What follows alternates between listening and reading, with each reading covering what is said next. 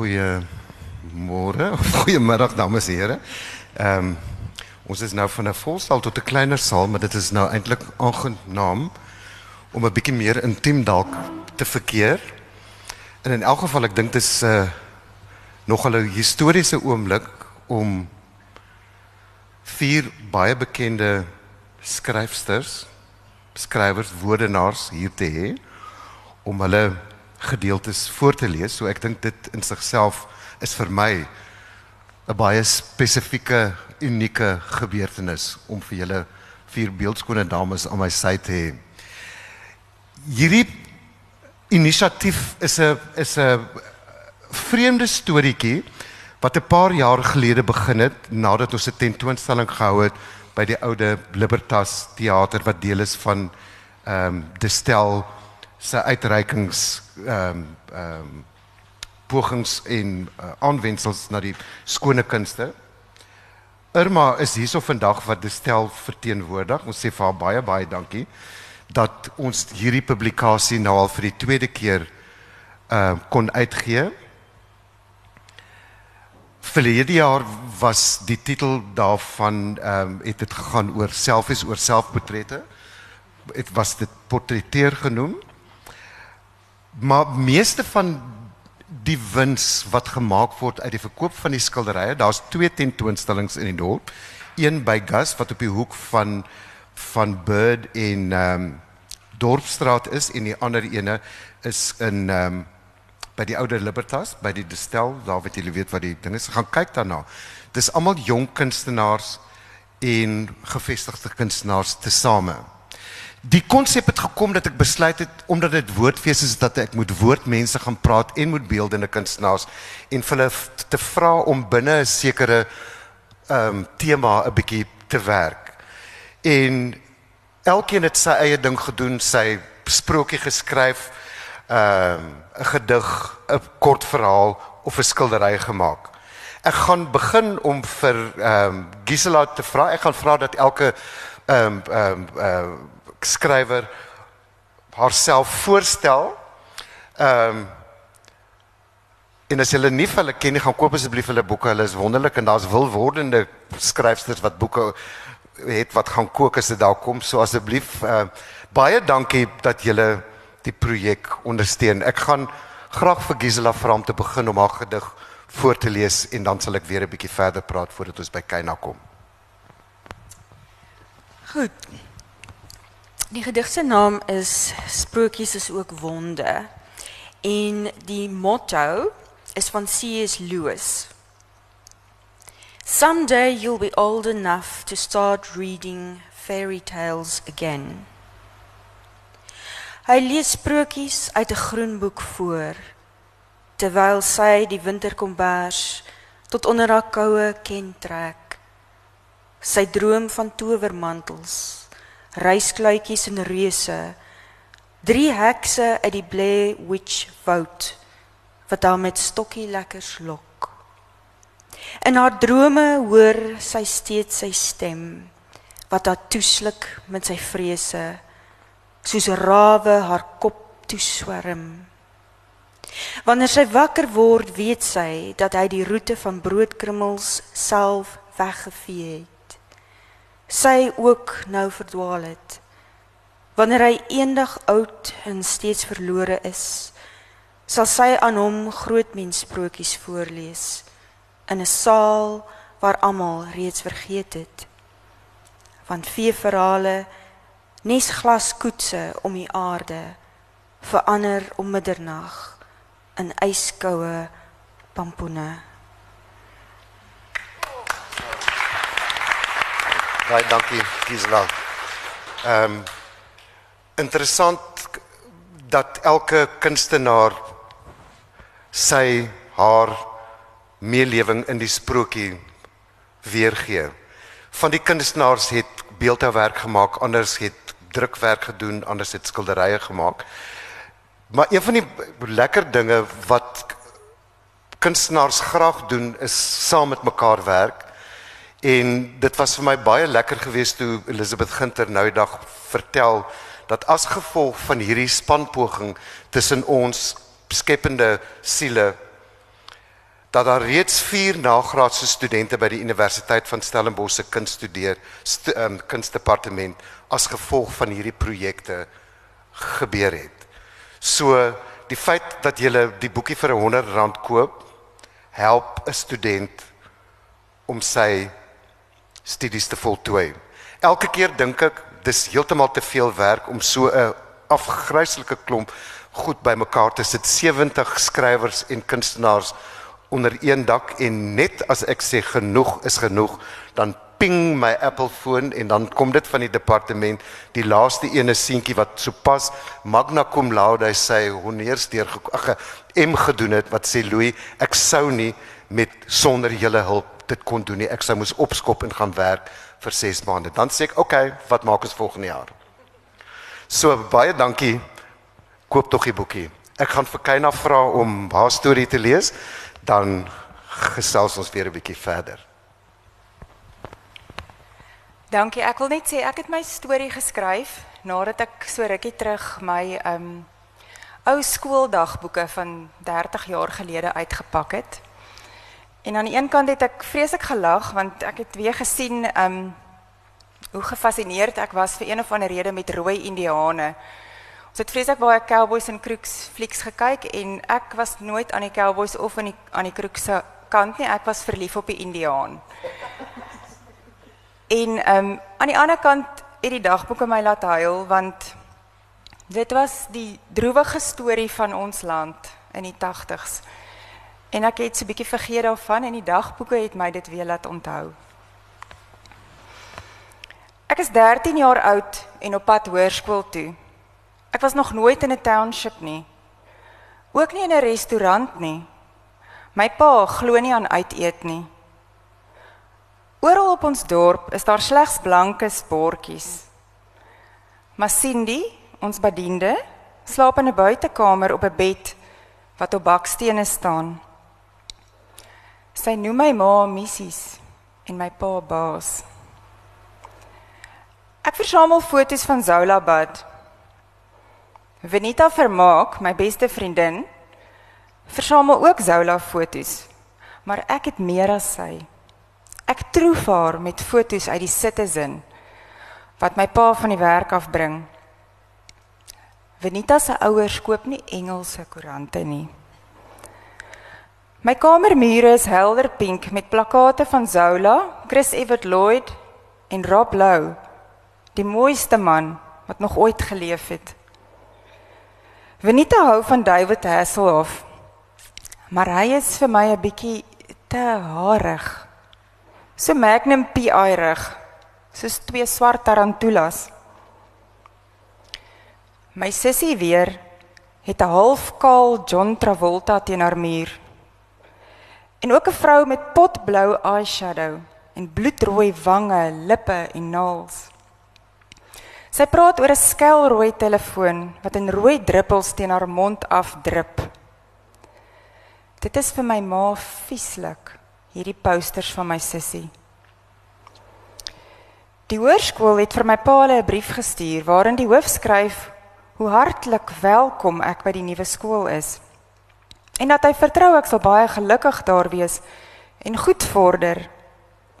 Hy sê hy wil graag die feit beklemtoon dat ouers asseblief nie moet aarzel om te enige tyd met die skool in aanraking te kom oor enige saak wat hul kind se opvoeding of die skool se opvoedingstaak as geheel raak nie.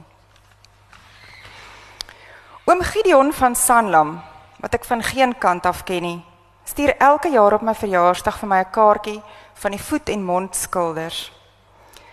Daarin skryf hy goed soos Baie geluk met die herdenking van jou geboortedag op 25 Desember. Ook al 13 jaar oud. Ek vertrou dat die dag en jaar vir jou baie aangenaam en voorspoedig sal wees. Baie groete, oom Gideon. My ouma stuur ook kaartjies as ek verjaar. Soms is daar 'n 10 rand noot in. Haar boodskappe klink so: Ek hoop jy bly die soet kind wat jy nog altyd was. Baie liefde en drukkies, ouma. Saans terwyl Masien die skottelgoed was, bid ons vir die ou mense in die ouer huise en die manne daar op die grens. In my vorige lewe was ek 'n rooi indiaan. Vertel ek vir Venita terwyl ons aan ons chocolate fudge sundaes by Milky Lane suig. Ek is beeldskoon met 'n olyfkleurige vel en lang gitswart hare wat ek in 'n middelpaadjie dra. My oë is groen, anders as al die ander Indiaan vroue sin. Ek woon in 'n spierwit tent en om my polse en enkels skitter versierde krale. My lover Die stamhoof het ook lang swart hare wat liggies in die wind wapper as hy op sy Appaloosa ry.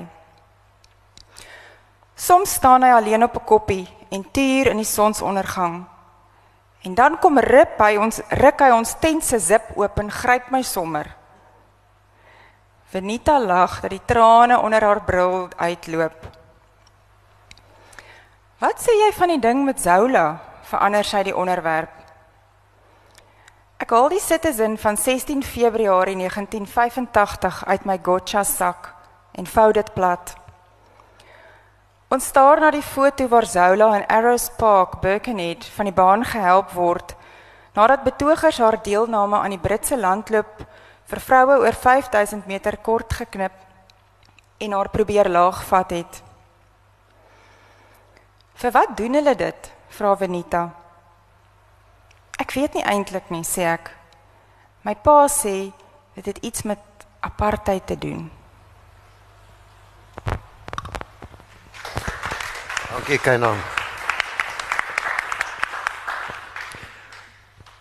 Weereens ehm uh, die krag van woorde. Ehm uh, dit is vir my net elke keer so ongelooflik om te sien wat ons kan vermag met beeld en woord. Ehm um, ek het nou die dag ehm um, het hulle vir my gevra by Versien daarby om net 'n paar van die gedigte wat uit die boek voorkom ehm uh, te sit kyk gerus daarna en ehm um, ek was so opgewonde oor Lynthia se gedigte dat ek sommer al drie ingesit het want dit raak aan 'n ander kant van die storie wat vir my ook treffend was. Ehm um, Brianna het nou dag gesê um, ek het julle vertel dat ek hierdie ding by myself inderdaad so op hier en daar 'n glipsie ingekom. En tot my spyt het ek ehm um, Cynthia se van verkeerd gespel en Rihanna het vir my gesê luister moenie dis 'n dis 'n skoonheidsvlekkie. Dis 'n beauty spot wat in elke publikasie behoort. So Cynthia is jammer vir die verkeerde spel, maar ek sien uit na jou gedig wat jy gaan voorlees. Dankie. Ehm um, sy naam is Sneeubreintjie. Speeltjie speeltjie aan die wand. Wie is die mooiste in die land? Die een wat die media besluit mooi is. Die een wat geslaag deur die potloodtoets is. Ligter as die bruin papiersak oor haar kop. Sy wie se taal erken is as amptelik. Nie gebore uit die Hottentotsgod. Gebore, nie misgekraam nie. Uit die mitologie van Heitsi Eibub. Nie jy nie. Sit by jou speelkas. Smeer jou pons Die son sal vir kos hê, die pink pot. Laat vir beauty is skin diep. Glo die Emilia God. Die klug van skoonheid wat hulle voer. En vanaand voor die Hottentots God in die stilte. Vervloek jou donker vel. Die krekels in jou hare. Die mooiste in die land my kind is op huisgenoot en wilg tot op die rooi en wit majoneisbottel ook. Gaan tel jy jou pa en sy drankduiwels voor die smokkelhuis op.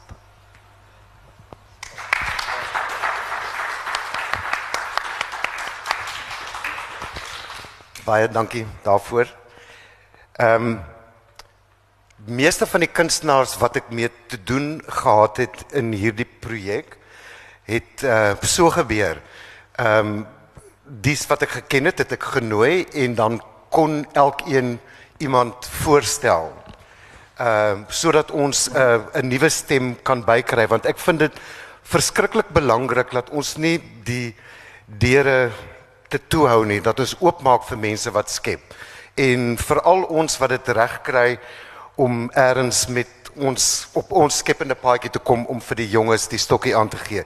So hierdie projek inderdaad is dit stokkie aangee uh situasie en ek hoop dat ons dit uh volgende keer sal kon doen om ook vir nuwe mense 'n nuwe stemme en nuwe beeldmakers bymekaar te bring. So baie dankie sover. Nanet Ek is Nanet van Rooyen en ek het toe Louis met my praat oor hierdie fabels uh sprokiesverhale het ek gaan krap in daai laai wat 'n ek het dit altyd die skaam laai genoem. Jy wil nie vir die ander mense wys wat jy geskryf jy is bang jy kry kritiek. Was jou net die derde laai. Myne is nommer 4. Maar hy het wel hy het weliswaar ligter geraak. Hou moed, hou moed, hou moed. Hierdie klein fabel uh het ek geskryf toe ek besef het ek is swanger met my tweede kind en sy's nou al 12, so dit is ou woorde. Hy en sy Hy braai vir haar 'n vis om te sê dat sy die bruid is. Daarna vertrek hulle en loop vir dae aan een. Hy met 'n emmer water in sy hand. Sy met 'n velsak oor haar skouer. Onder wilde vy boom stop hulle. Sy gooi die sak van haar skouer af en pak die inhoud uit. Dis 'n stapel dagboeke. Sy lees vir hom iets uit elke boek voor. Gooi dit in die vuur sê hy. Ons is nou sonder geskiedenis. Wat gaan jy opgee? vra sy. Hy grawe in sy broeksak en haal 'n veer daaruit. Hy gooi dit in die vlamme en dit word 'n skarlakenvoël wat hoog in die takke van die wilde vy gaan sit. My siel, sê hy. Sy staan op om verder te loop, maar hy sê hy het honger. Gaan jy vir ons jag? vra sy.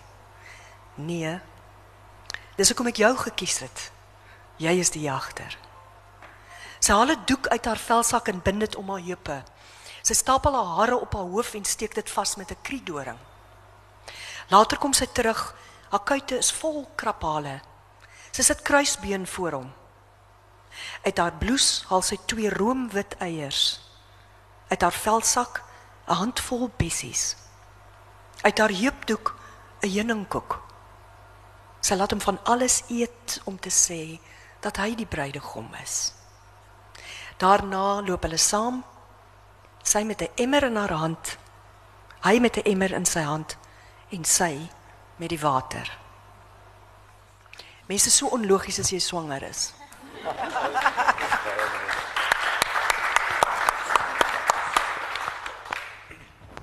Baie dankie dames en here en dankie Nanet. Dit is uh pragtige stories wat ek van julle gehoor het. Baie belangrike goed wat gesê word.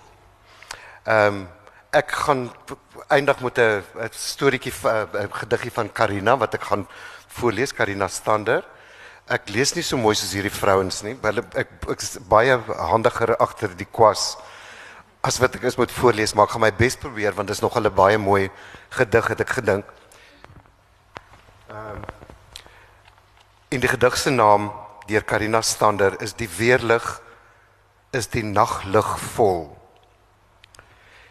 Die weerlig is die naglig vol met lokkas kom ek na jou toe waar jy in die skadu van 'n bosvy lê. Verdoesel tussen korsmos en gevlokte rots. Kom nader, Willemaat. Kom maar nader teen alle eeue van beskawing in dat jy kan sien die waterlelies van my oop hande koud en blou pers soos organe die aarde veraar en klop onder voets. Modder spat teen my kaal enkels op maar ek fluister stap na jou. Dat jy moet ruik dat jy moet weet hoeveel ek vrees en verlang.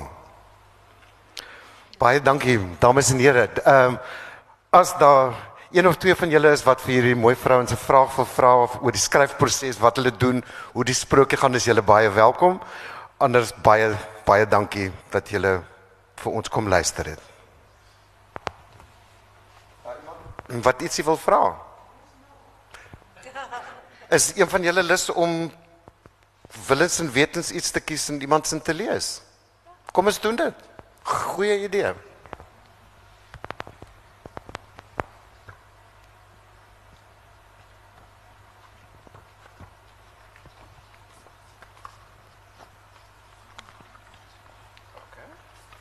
Is jy reg om te wie is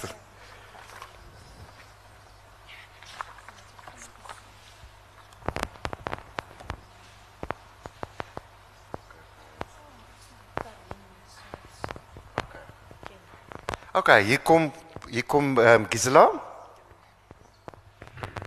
Okay, dit is uh Karin Smith se Die bruid.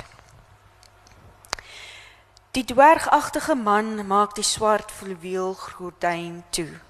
Klim van die krat af en loop gang af. Kokkerotte verdwyn tussen die boomwortels en blare wat hierdie verrotte houtvloere stoei. Hy gaan staan voor die gangdeur. Sy stomp vingers grawe in sy broeksak en haal 'n bronssleutel uit. Dan streel hy oor die deur en druk sy oor teen die donker hout. Hy luister. Draai die sleutel 3 maal. Waggel in en sluit dan die deur weer oop. In die donker soek hy met sy vingers op die grond na die vuurhoutjies en olielamp. Hy vee die stof van die olielamp af en steek dit met 'n vuurhoutjie aan. Teen die mure hang portrette, almal met dieselfde onderwerp. Vroue figuur met lang swart hare van agter geskilder. My lief, sê hy en buig statig. Hy steek sy hande uit na die skepping wat teen die muur oor kan die deur hang en loop nader. Die grouwe eelte aan sy vingers haak aan die kant terwyl hy daaroor streel. Hy vat afwaarts aan die kant na die sleep, hou dit teen sy neus en asem diep in. Dan sak hy af tot op sy knieë, sukkelend met sy dik maag. Op die grond wag hakskoene van sy en hy leun vooroor en soen die voorpunte van die skoene. Die wit been en uitgedroogde vel staan slaan skel deur die kant en die insekte kroel oor en duur die vervalle houtvloer. amper my bruid. Kreunend staan hy op en waggel deur toe. Maak die deur oop, blaas die olielamp dood en sluit die deur dig agter hom. Die bure se voordeur klap en hy haas hom na die venster. Hy klim op die krat en maak die fluweelgordyn op 'n skreefie oop. Die vrou loop by die voordeur uit en gaan sit op die bank op die stoep. Haar delikate enkels word onder haar op die bank ingevou. Sy lees 'n boek. Haar gesig is weggedraai van hom en sy kan haar weer en hy kan haar weer net van agter sien. Hy gryp na boek en pen wat langs hom lê. Hy skryf: Dag 3654 Sy gaan sit op die stoep. Vandag is die dag 3654 dae na die ongeluk. Hy blaai na 'n vroeë inskrywing in sy boek. Dag 2978. Hulle het om 8:26 in die oprit gestop. Die nuwe bure. Sy's beeldskoon, lang swart hare. Sy's perfek. Hy loer deur die gordyn. 'n Man kom by die voordeur uit met 'n tas. Die man soen groet die vrou, loop in die tuin af na die kar, klim in die kar en ry. Hy laat val die fluweel gordyn en klim van die krat af. In die hoek van die vertrek staan die spieël nog net so toegemaak vanaf die ongeluk. Hy huiwer en loop nader. Met 'n vinnige beweging pluk hy die fluweellap af. Die spieël is gekraak en sy oë verdubbel en verdriedubbel in die beeld. 'n Kort, plomp man met enkele grys hare op 'n blinkkaal kop staar vir hom. Hy vryf die hare agtertoe. Sy rug is ver vooroor gekrom met 'n wit maag wat onder 'n wit hemp uitbult. Hy loop nader aan die spieël. Sy rooi oë stop uit sy oogkaste. Sy taksido hang langs die spieël, gereed, oud en verweer van elke dag se afborsel. Hy forceer sy dik lyf in 'n ou pak klere. Hy neurie 'n melankoliese deentjie terwyl hy met sy geswolle lyf 3 maal in die rondte draai. Tevrede gaan staan hy stil en kyk vir homself in die spieël. Vandag is die dag, sê hy en trek sy stuktas reg. So, baie dankie. Dankie Gisela, ja, wat 'n treffende stuk gaan en jy gaan vir Mariet Crawford voorlees. Ek gee vir jou. Sy skryf die um, kosrubriek in die rooi rose nê. Ja. Haar gedig is vergoddeliking. Ek hunker na vannag. Was dit na da, na nag of al voordag? Ek het jou lief, het ons ruim deurklief. Toe ons nog wonder en verlang, het planete bokant ons kom hang. 'n Komeet het uit sy baan geswenk en 'n sterrereën het ons deurdrenk. Ek wil graag vir Louis vra as ek mag. Louis se skildery op bladsy 42 is vir my verskriklik mooi. Maar ek wil ek wil so graag hê jy moet vir my vertel hoe wat is die storie agter die skildery? Goed, uh die storieetjie se uh, of se naam die spel is gebreek. The, the spell is broken. Ehm um, dit is een van die interessante beelde wat ek in my kop gehad het, maar ek verf op 'n vreemde manier. Die kind was by La Crozette net vir ons gehelp daar en ehm um, ek was besig om hierdie projek uh, konseptueel aan mekaar te sit en sy het ingeloop en ek het besluit ek wil 'n reeks van sneeuwwitjie maak. Ek wil dit doen. En ek het die heeltyd verbeel dat sy die hart wat die jagter vir die koningin sou bring self sal optel en dan na die koningin toe loop en sê is dit wat jy sou wou hê? Ek breek die tower spel of spreek of wat ook al. En dit is hoekom sy met haar hande so staan om die hart te ontvang. En terwyl ek dit doen toe dink ek aan die kinderlikheid van stories of van sprokies. En ek besluit toe om die holrig geryde klise van 'n Disney ehm um, ehm um, figuur te gebruik en om te kantel om net vir onsself te onthou, dat agter die strokiesprent is daar dalk 'n regte persoon wat 'n hart gaan ontvang.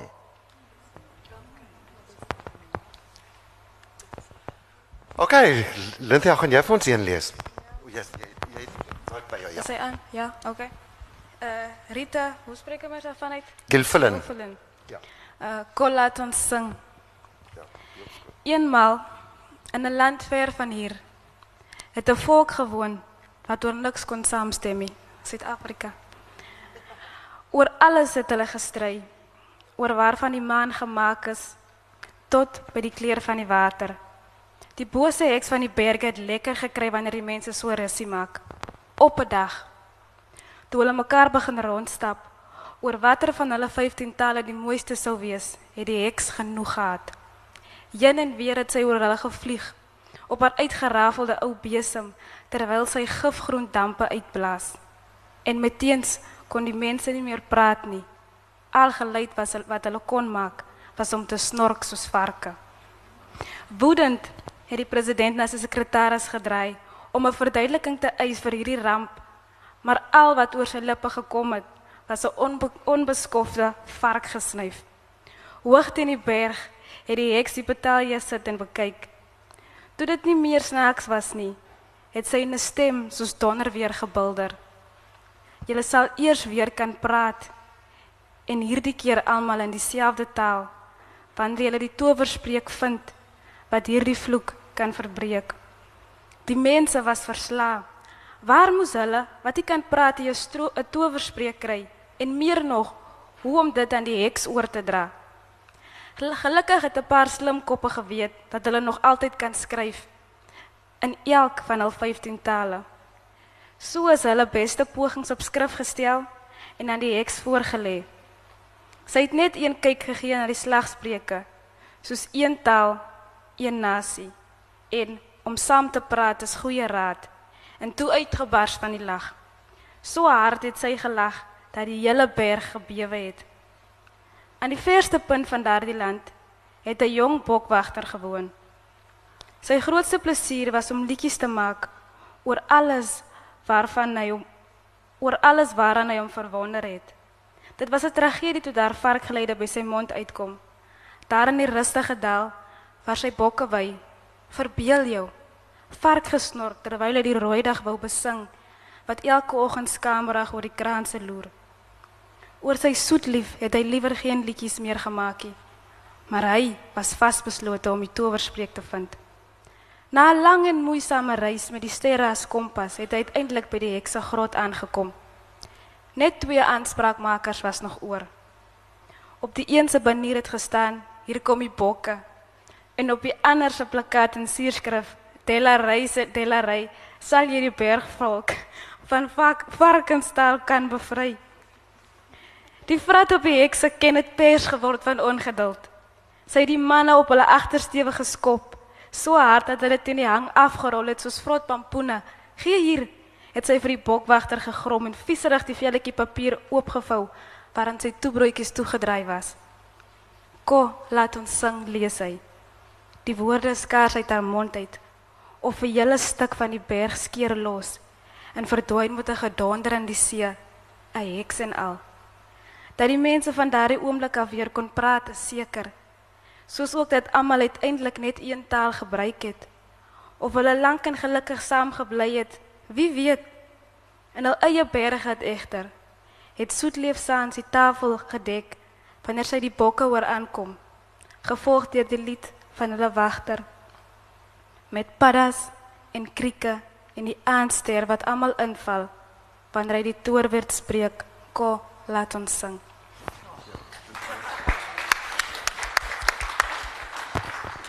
Okay, dames en heren, ons sluit af met Nanet. Uh, ek het 'n redelike kort vers hier van Johan de Lange.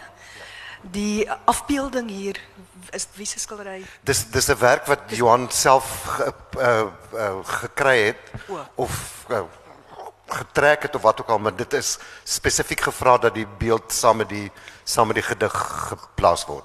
Dis op bladsy 43 uh, 34. Is ek nou so zooma wat my my syfers verkeerd kry. Die gedig se naam is Fetish. Die voet in jou mond kon geskilder gewees het deur Caravaggio of El Greco. Die voet van 'n heilige of gekruisigde. Elke skrander toon en seëning lenigend. Die vel 'n perkamentgeel. Die voetbrug rus in 'n harige oksel. 'n Wynrooi tepel opgeprik Jou kop is agteroor gegooi in adorasie. Jou oë versluier met 'n apokriewe begeerte. Litanie van 'n honger wat so skadu armholte, voet en mond verteer. Baie dankie. Baie dankie dames en here en dankie aan julle wonderlike mense wat vir ons voorgeles het. Ek waardeer dit regtig baie. Baie dankie. Twee vrae genade, dis goed.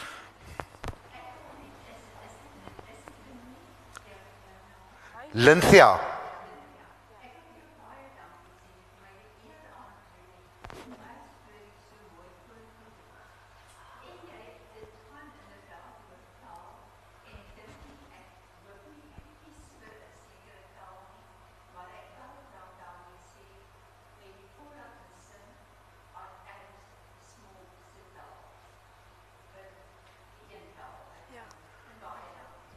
Lynthia. Dankie, dankie Rita. Wonderlik. Baie dankie. Kan ek ook net iets sê omdat ek dit het dit het so vir my geraak omdat ek is op kampus, ek is 'n student en ek sien hoe beklei ons op kampus en hoe ons mekaar vertraan in die naam van taal. En hoe 'n kragtige ding taal is. Ek meen my ma het my geleer van Here, nie van Jesus en Lord nie. Ek ken Afrikaans, dis wat en wie ek is. En om te hoor hoe 'n klomp studente jou taal uitmaak as 'n wit man taal en dis duidelik dat ek wit is, nie, maar ek het die taal so lief soos ek weet nie wat nie.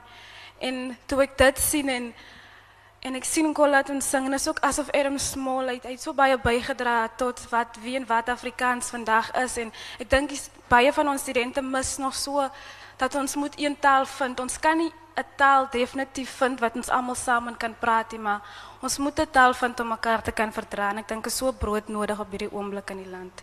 Absoluut. Baie dankie. Ek bedoel weer eens bevestig dit die krag van woorde en die krag van beeld. En ehm uh, laat ons dan saam beelde maak en woorde maak en sing. Kom laat ons aanhou sing. Baie dankie dames en here. Dankie.